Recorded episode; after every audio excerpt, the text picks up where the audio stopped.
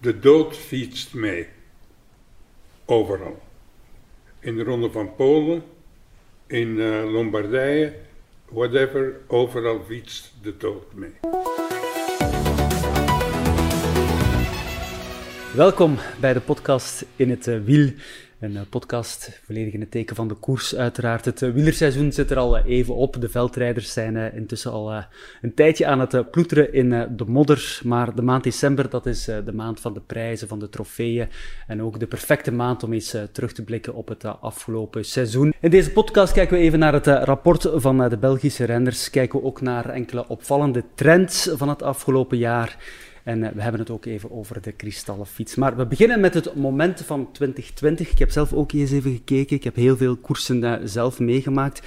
En voor mij het uh, allerbelangrijkste moment is het hele wielerseizoen. Dat in dit jaar, 2020, toch zo goed als alle koersen, alle grote rondes gewoon hebben plaatsgevonden. Dat vind ik eigenlijk absurd. En als ik iets meer inzoom naar één specifiek moment, vind ik toch wel de val die verschrikkelijke val van Remco Evenepoel in het ravijn in Italië vind ik, uh, dat is een moment dat ik toch niet gauw ga vergeten. Ik ga met uh, u beginnen, meneer Kamps, of mag ik uh, Hugo, Hugo, zeggen? alsjeblieft, alsjeblieft. wat is uw moment als, als je terugdenkt Nou, je aan... hebt gelijk als je zegt dat het, het eigenlijk het hele wielerseizoen een moment is.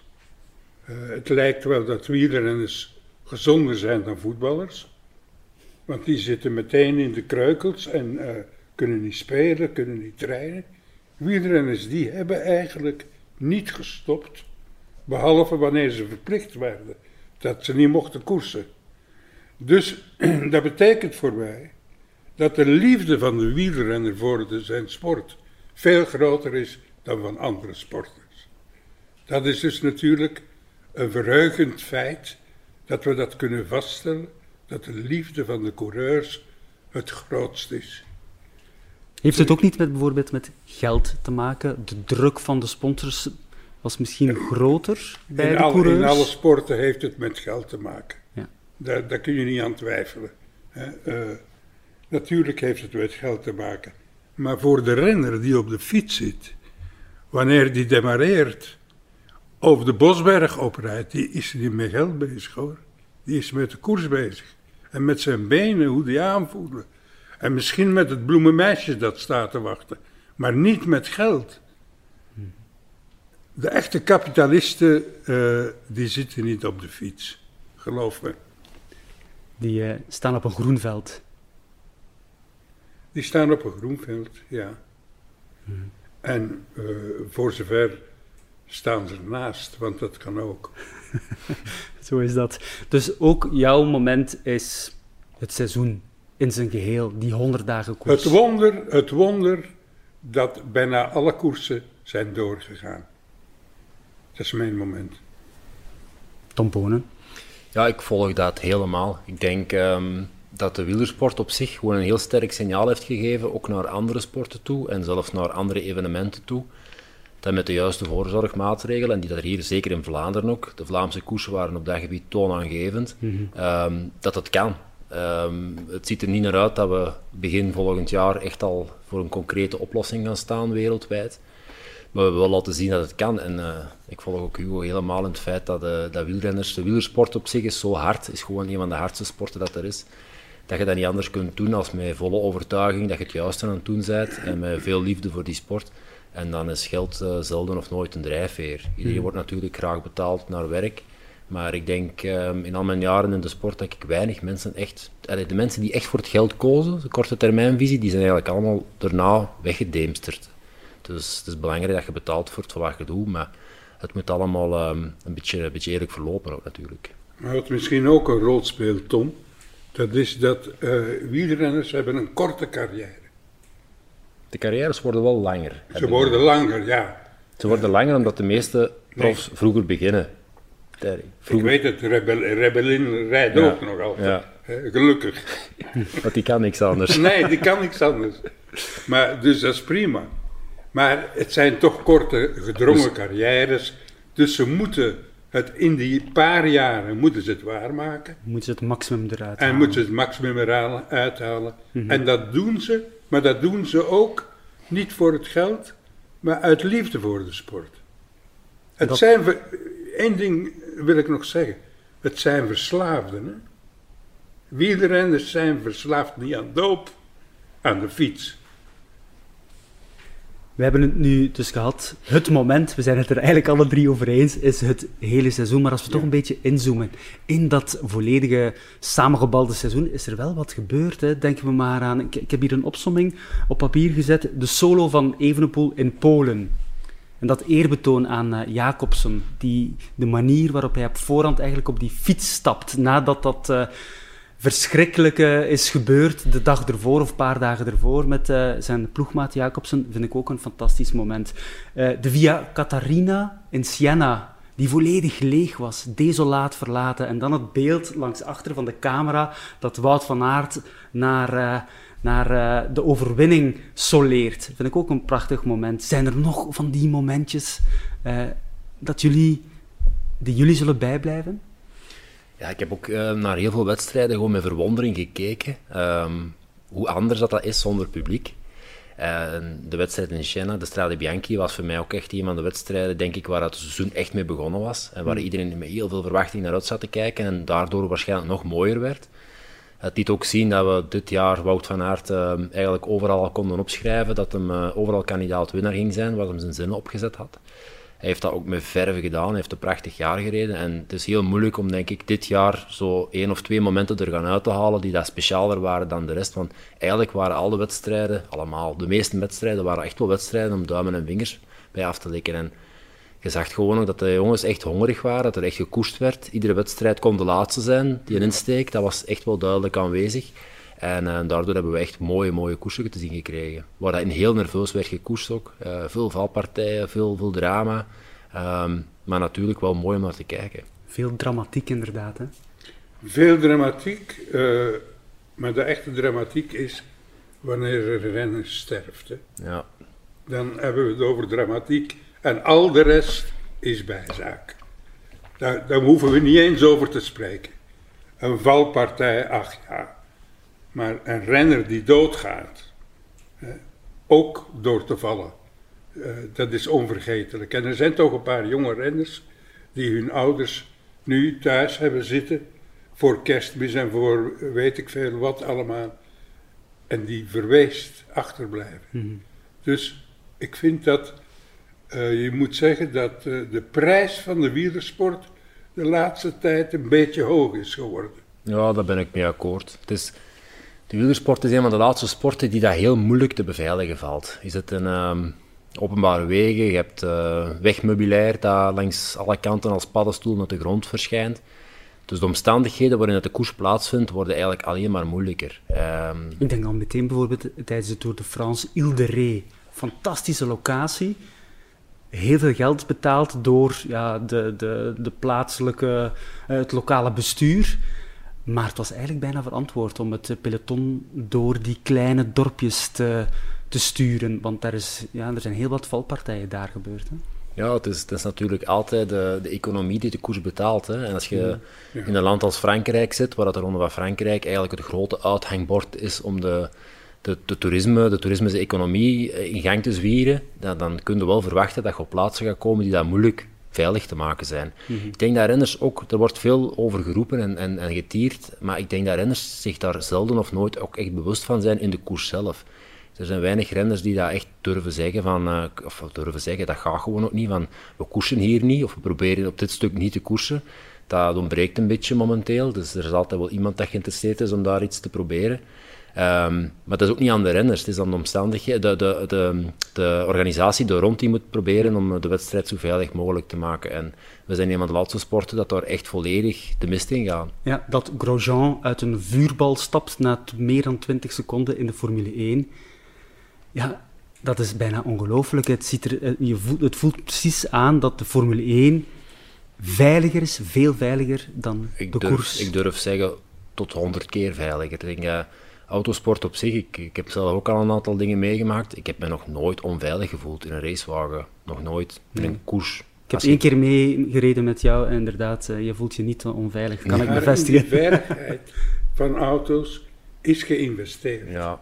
En ieder ongeval in de autosport, zeker in de Formule 1, dat wordt uitvoerig onderzocht om daar lessen uit te trekken. Dus die veiligheidscel van je auto, ehm, die auto is nu in brand gevlogen, wat dat eigenlijk ook al niet had mogen gebeuren, maar dat, ja, er zijn altijd omstandigheden die moeilijk of niet te controleren vallen. Maar dat zijn nu de punten waar dat er uitvoerig over gediscussieerd wordt en die worden verbeterd naar de volgende edities van die auto's toe. En gebeurt dat te weinig in de koers, in het wielrennen?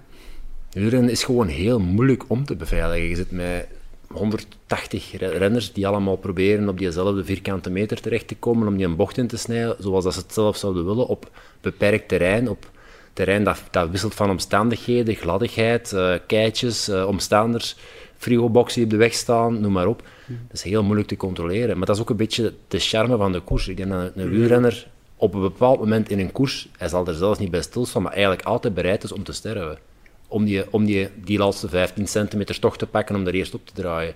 Je staat er niet bij stil, maar als je er achteraf op terugkijkt in mijn carrière, ik heb eigenlijk alle koersen dat je gewonnen hebt, heb je ergens wel een punt gehad waarop dat je bereid waart om te sterven, zonder dat je daarbij stil stond. Want je stikt hem er toch tussen ergens en je weet van, ik heb 50% kans dat dit niet goed afloopt. en dan kan het zijn dat je schaafwonden hebt, dan kan het zijn dat je iets breekt, maar het kan ook zijn dat je op kop invalt. Dus Het is zo, eh, je moet ervan uitgaan, de dood fietst mee. Overal. In de Ronde van Polen, in eh, Lombardije, whatever, overal fietst de dood mee. Maar we moeten ook niet te krenterig zijn met risico's.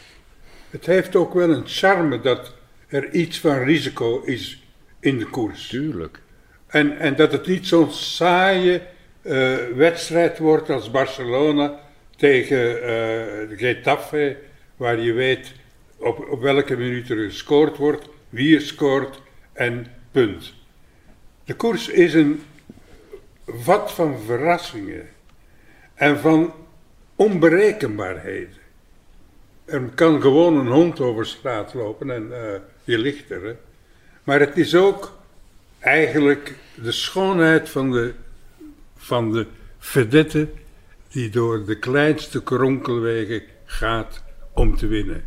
En of het dan boulevard zijn of een geitenpad, maakt hem niet uit. Het is winnen dat telt.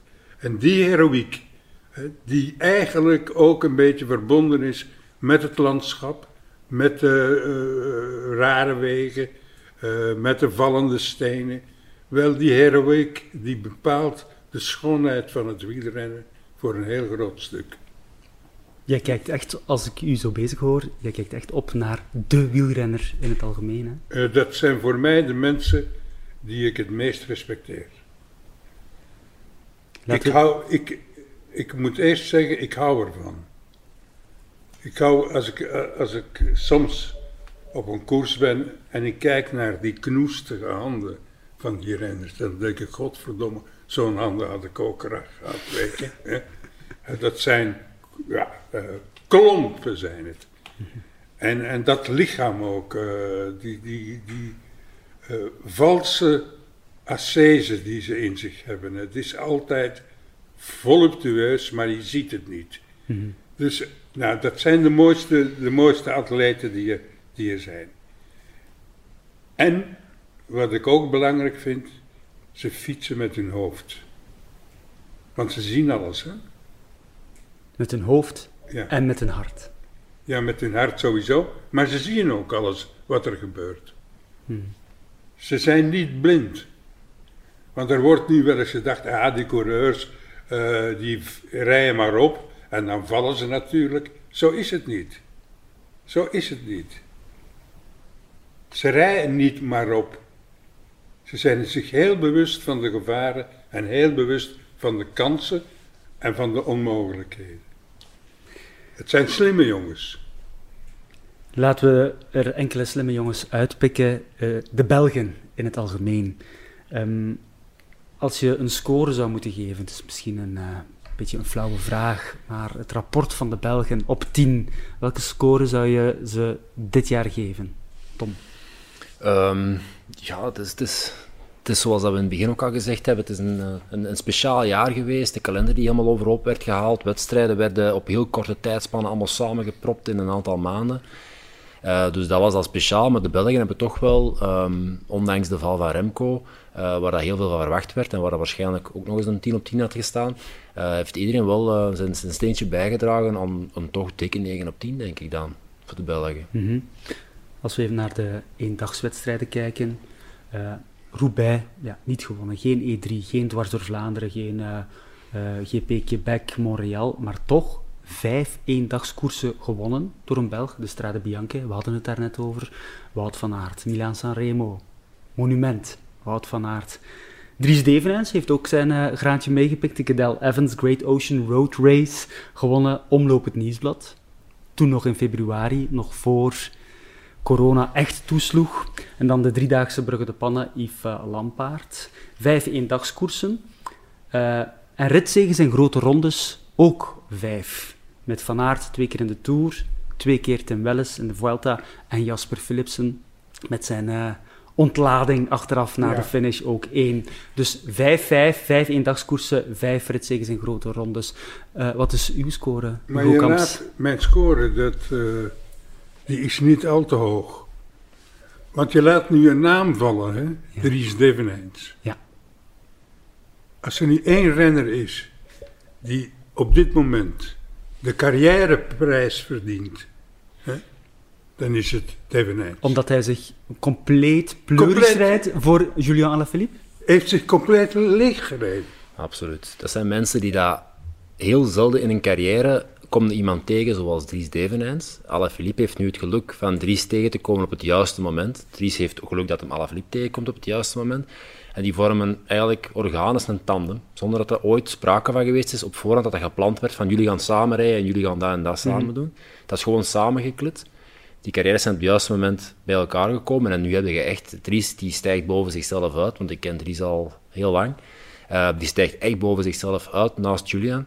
En uh, Julian profiteert daarvan en die heeft die, die steun nodig van iemand in koers om te zien van ja, ik moet het hier gaan doen. En het gaat echt ver, hè? Ja, ja, ja. ja want, Als, zet Julian bij iemand anders of zet er niemand naast. En die gaat heel vaak zo, net zo, net niet. Zo van, oeh, ik kan even wachten. Maar omdat die mannen dat doen voor hem, en zeker omdat Dries dat doet voor hem, dat geeft hem zo'n boost van motivatie. En daardoor stijgt dat niveau van die renners echt ja, een aantal procenten boven hun natuurlijke mogelijkheden. Dries Deverijns is niet naar het WK meegegaan, omdat hij niet tegen de Fransman Alaphilippe ja, wou rijden. Dat is de allereerste keer dat, dat, ik daarvan hoor. Ik weet niet voor mijn tijd of dat, dat ooit gebeurd is.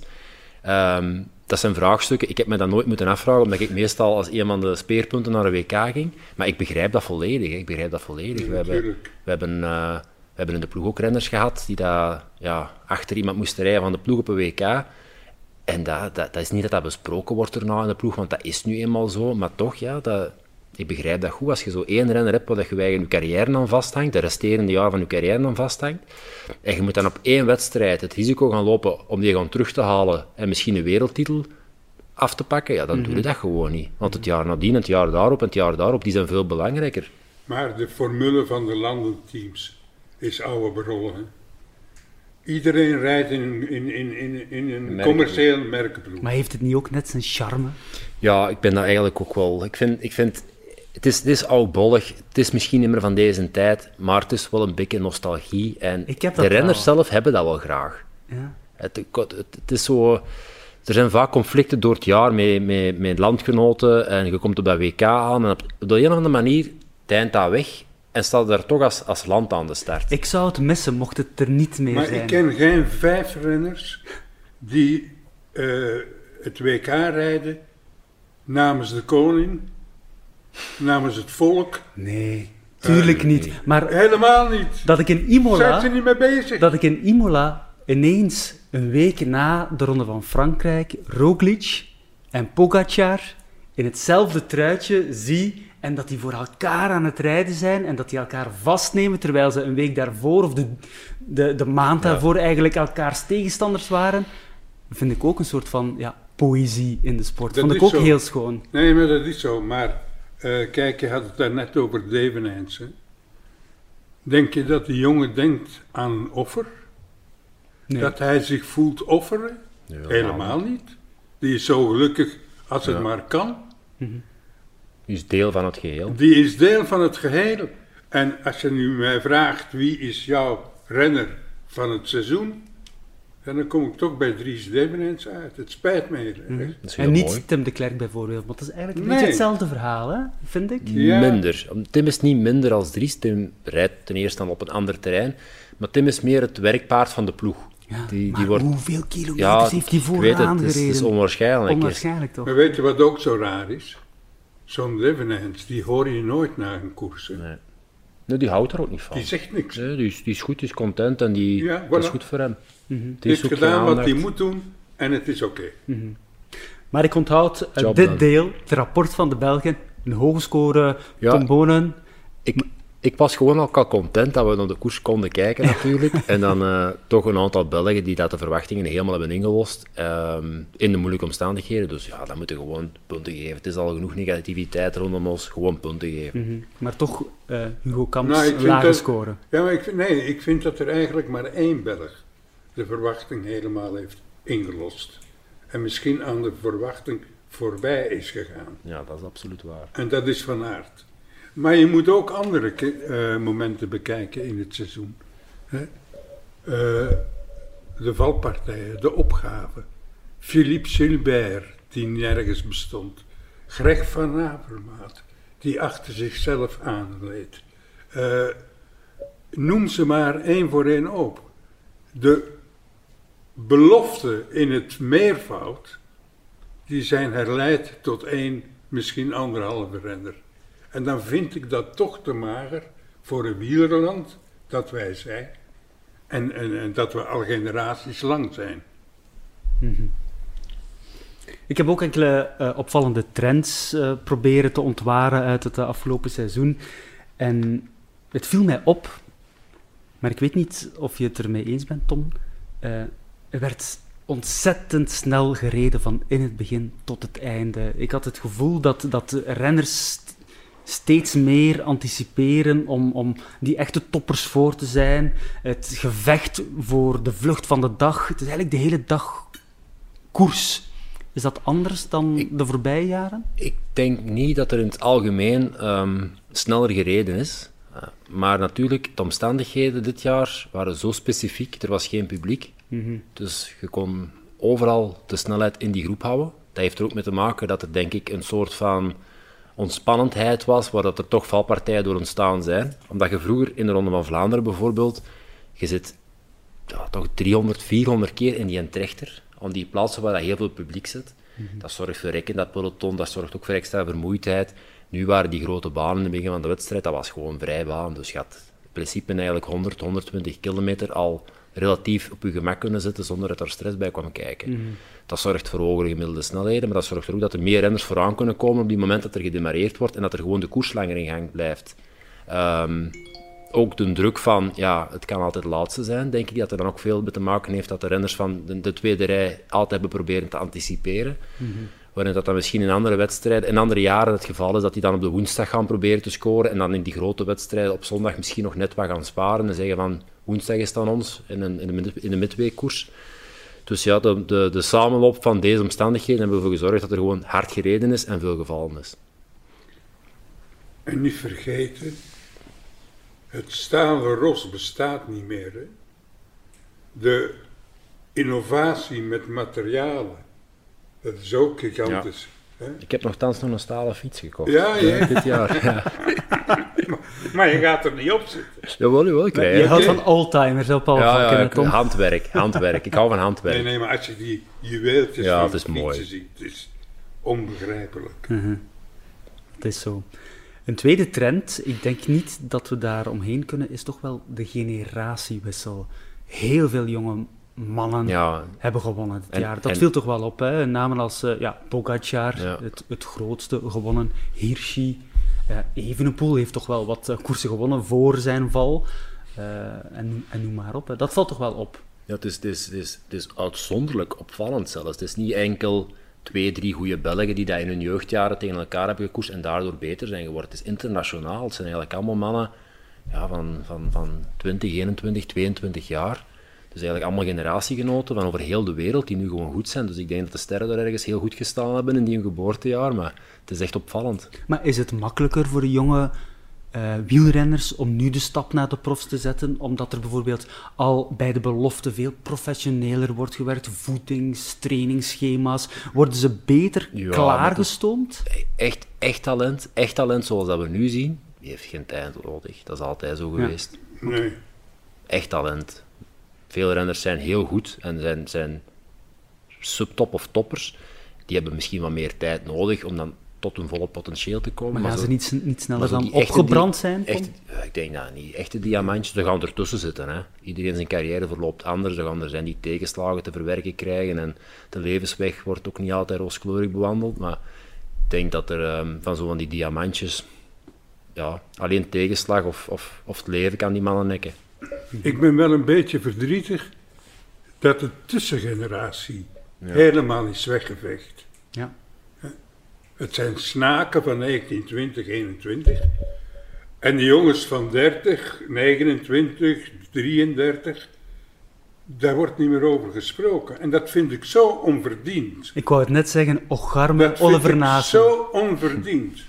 Want die hebben hetzelfde gedaan om ook eh, eh, hun inspanningen te kunnen voltooien en te kunnen winnen en te kunnen eh, ontsnappen en demareren. En ze bestaan niet meer in de publieke opinie. En dat vind ik eigenlijk een weggommen van mensen die nog altijd tot de top van de wielersport behoren.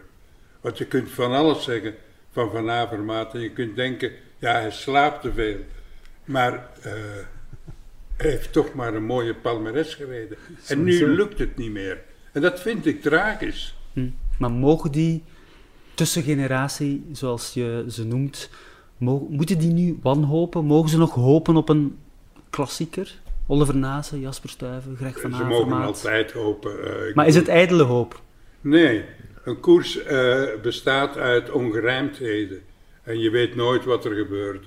Je weet nooit eh, eh, wat het lot of het toeval voor je wielen gooit. Maar het is wel zo dat het stilaan lijkt dat er een generatie wordt overgeslagen. En dat het nu de jonkies zijn van 1920 eh, die het mooie weer maken. En die alles kapot rijden. En dat gaat me toch iets te snel. Iets te snel. Is er ook iets, dat is misschien nog een laatste trend, een trend die ons eh, opgedrongen werd door een eh, virus. Ehm, heeft het corona ook iets, het coronavirus ook iets positiefs opgeleverd voor het wielrennen? Bijvoorbeeld de manier waarop ehm, er met de pers wordt omgegaan na wedstrijden. Eh, iedereen staat in vakjes op 200 meter na de finish. De renners komen daar rustig aan, doen een interview, gaan dan weg naar de bus. Ze worden niet verdrongen door drommen journalisten aan de bus. Ze kunnen rustig een ding doen en dan weg. Is dat iets dat blijvend is? Is dat een goede Ik hoop van evolutie? niet. Ik hoop van niet.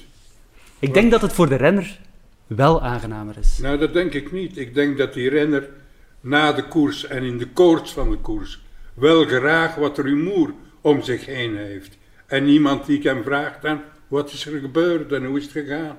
Eh, Ook als je een slechte koers hebt ook gereden. als je een slechte koers hebt gereden, daar moet rumoer, rumoer zijn. Ik geloof Rond dat de- niet. Ik Jawel, geloof dat niet. rond de koers. Ik heb dat al gemerkt bij renners. Ik denk wel dat het gaat blijven.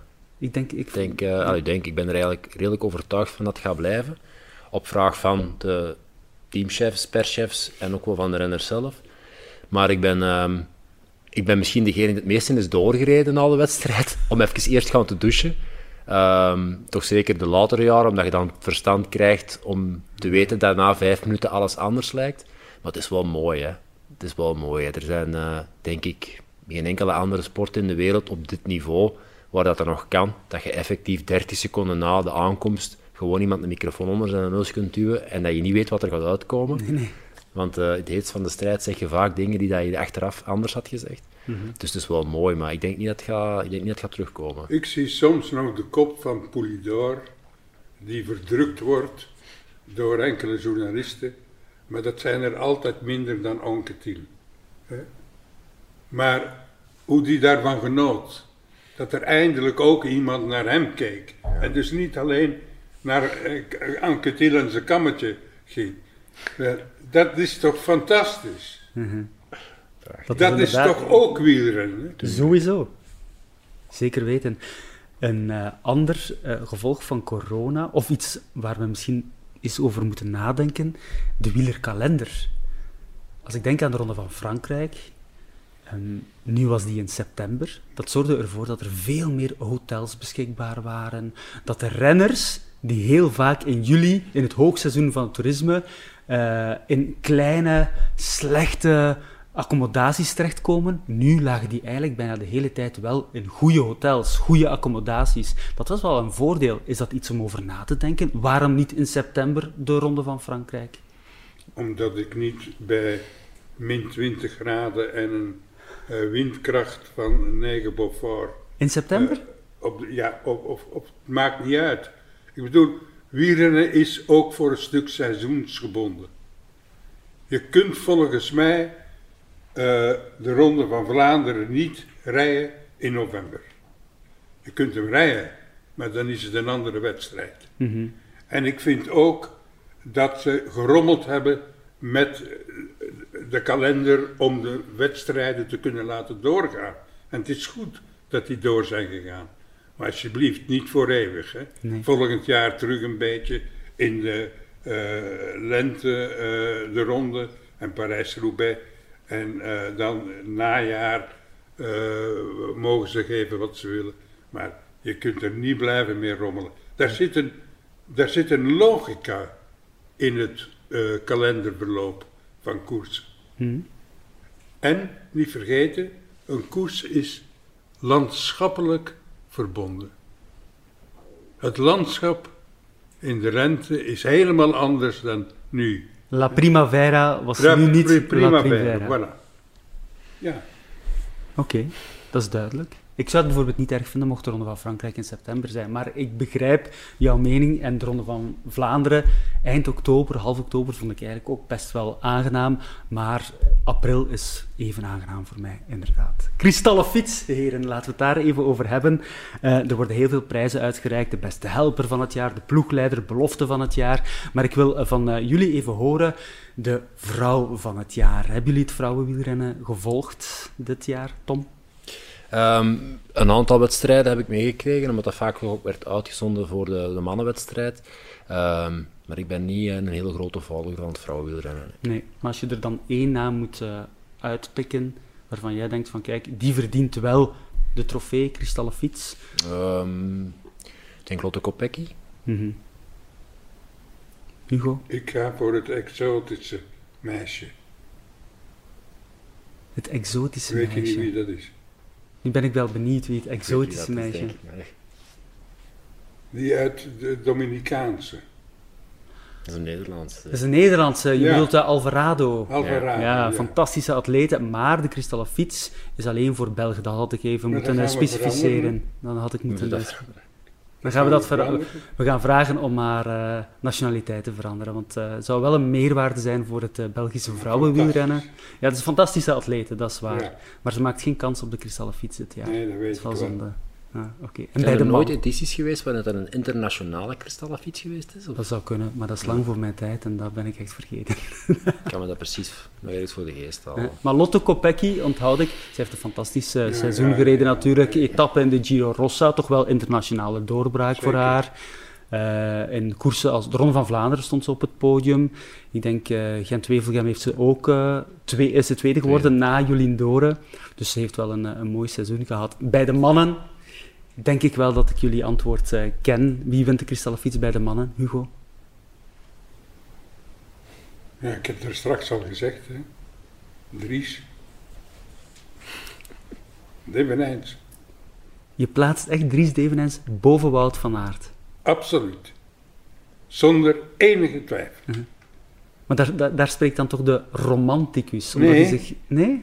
Daar spreekt de bewonderaar uit van iemand die met minder ta- talent eh, en met minder eh, faciliteiten en ook met minder eh, ploegsteun, dat hij toch de grote renner is geweest voor zijn ploeg van het hele jaar. En dan mag Mout, die een sprint heeft, winnen. En dan mag je ook nog een paar veldritten winnen. Maar als coureur, als renner, als engagement is voor mij Dries Devenens de man van dit seizoen. Dat is uh, zeer verrassend, moet ik zeggen. Maar goed, ik, ik, ga daar niets uh, tegen inbrengen. Dat mag. Uh, dat mag natuurlijk. Jij, Tom? Ja, um, we gaan een kat en kat moeten noemen. Wout van Aert gaat de kristallen fiets winnen. Ik denk niet dat er echt tegenstand zal zijn voor hem dit jaar, uh, als de stemmingen verlopen zoals dat ze gehoord zijn. Maar inderdaad, ja, het, is, het is altijd een beetje um, dubbel. Hè. Je, kunt, je kunt renners gaan afmeten aan een talent, de manier waarop ze wedstrijden winnen. Um, maar wat ze met het talent doen, en dat volg ik helemaal. Er zijn veel, veel meer renners die, denk ik, 100, 105 procent tot hun carrière hebben gehaald, die, die geen wedstrijden winnen. Maar daar gaat deze verkiezing natuurlijk niet over. Dus um, ik denk dat Wout van Aert zonder tegenstand de kristallen fiets gaat winnen. -hmm. En ik vind ook wel dat Wout van Aert dit jaar, als we aan de Tour de France denken, heeft hij zichzelf toch ook wel geregeld weggecijferd voor zijn kopman Roglic. Allemaal met het hogere doel de Tour de France te winnen. Dat heeft hij toch ook wel gedaan? Ja, maar ik wil niet uh, uh, Wout van Aert uh, benadelen in, in, in zijn proces. Maar ik geloof dat je, als je het over Wout van, Aert, van Aert hebt in de Tour, dan zijn er nog wel een paar renners die een grote prestatie hebben geleverd. Onder andere die Hirschi, om maar iemand te noemen. Ik weet wel, het is geen Belg, dus hij mag niet meedoen. Maar uh, daar, daar, is is ook aan de top een soort van nivellering ontstaan. Tussen enkele renners, vijf, zes, zeven, pardon, die met elkaar kunnen concurreren. En Wout van Aert heeft natuurlijk een geweldige ploeg. Dat mag, mag je ook niet vergeten. Hij is, het, hij is gedragen door de ploeg. Mhm. Hij is ook populair binnen de ploeg. Ja. Dan is het iets makkelijker dan wanneer je als eenzaad zit te knoeien en te klauderen. Oké. Ik heb nog één vraag over 2021. Het zal er snel zijn, het, uh, het klassieke voorjaar. Amai. Um, wie verwacht jij volgend jaar? Moeten we echt nu al terugkijken naar Remco Evenepoel? Tom? Uh, hangt er vanaf welke wedstrijden dat we voor ogen houden natuurlijk. Hè. Ik denk dat de, de tendens zich gaat doorzetten. De renners, de jonge renners die dat dit jaar en het voorbije jaar ook al, het jaar ervoor dan, uh, volle bak de neus aan het venster hebben gestoken, dat die gewoon hun evolutie gaan verder zetten en dat die op een 2, 3, 4, 25 ook op hun sterkste gaan staan. Dus ik verwacht Remco zeker. Ik verwacht dat Wout ook weer uh, terug, terug gaat staan om, uh, om een klassieker zijn ding te doen. Ik verwacht ook dat Mathieu van der Poel nog een stap gaat zetten. En dat we heel interessante wedstrijden gaan krijgen volgend jaar. Mm -hmm. 2021, Hugo? Ja, natuurlijk kun je niet om Wout van Aert heen. Dat, dat spreekt voor zich. Maar uh, ik denk toch niet dat hij de enige is. Uh, en Jasper Stuyven, die kan verrassend uit de hoek komen. Uh, ik geloof nog altijd dat die oude knarren, zoals Van Aert en, en zoals Van Avermaat en, en Gilbert, dat die nog eens voor iets gaan zorgen. Iets dat de mensen verrast. Mm -hmm. En uh, in één keer heb je ook, dat is nu wat minder dan vroeger, maar in één keer heb je een renner die er staat. Die je niet eens hebt zien aankomen. Uh, en die, die uh, begint te winnen. En begint het peloton te commanderen. Dus je moet altijd rekening houden met verrassingen. Een, een, een, carrière, een wielercarrière, is geen logica. Daar zitten logische dingen in, maar er zitten ook intuïtieve en uh, andere dingen in die bepalend zijn. Hmm. Dus ik, ik, ik geloof dat Van Aert er zal staan, maar ik geloof dat er nog altijd ook een renner zal zijn die de hele boel komt verrassen. Laten we hopen, hè? Want uh, dat maakt het uh, Ja. aangenaam om naar te kijken. Heren, dankjewel voor uh, deelname aan deze podcast in het wiel. En ehm, ik wens jullie nu al een heel fijn 2021. Dankjewel. Hetzelfde voor u.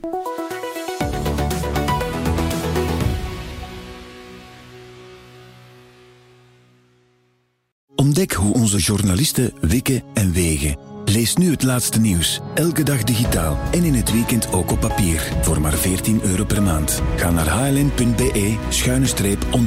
Het laatste nieuws, in het hoofd, in het hart.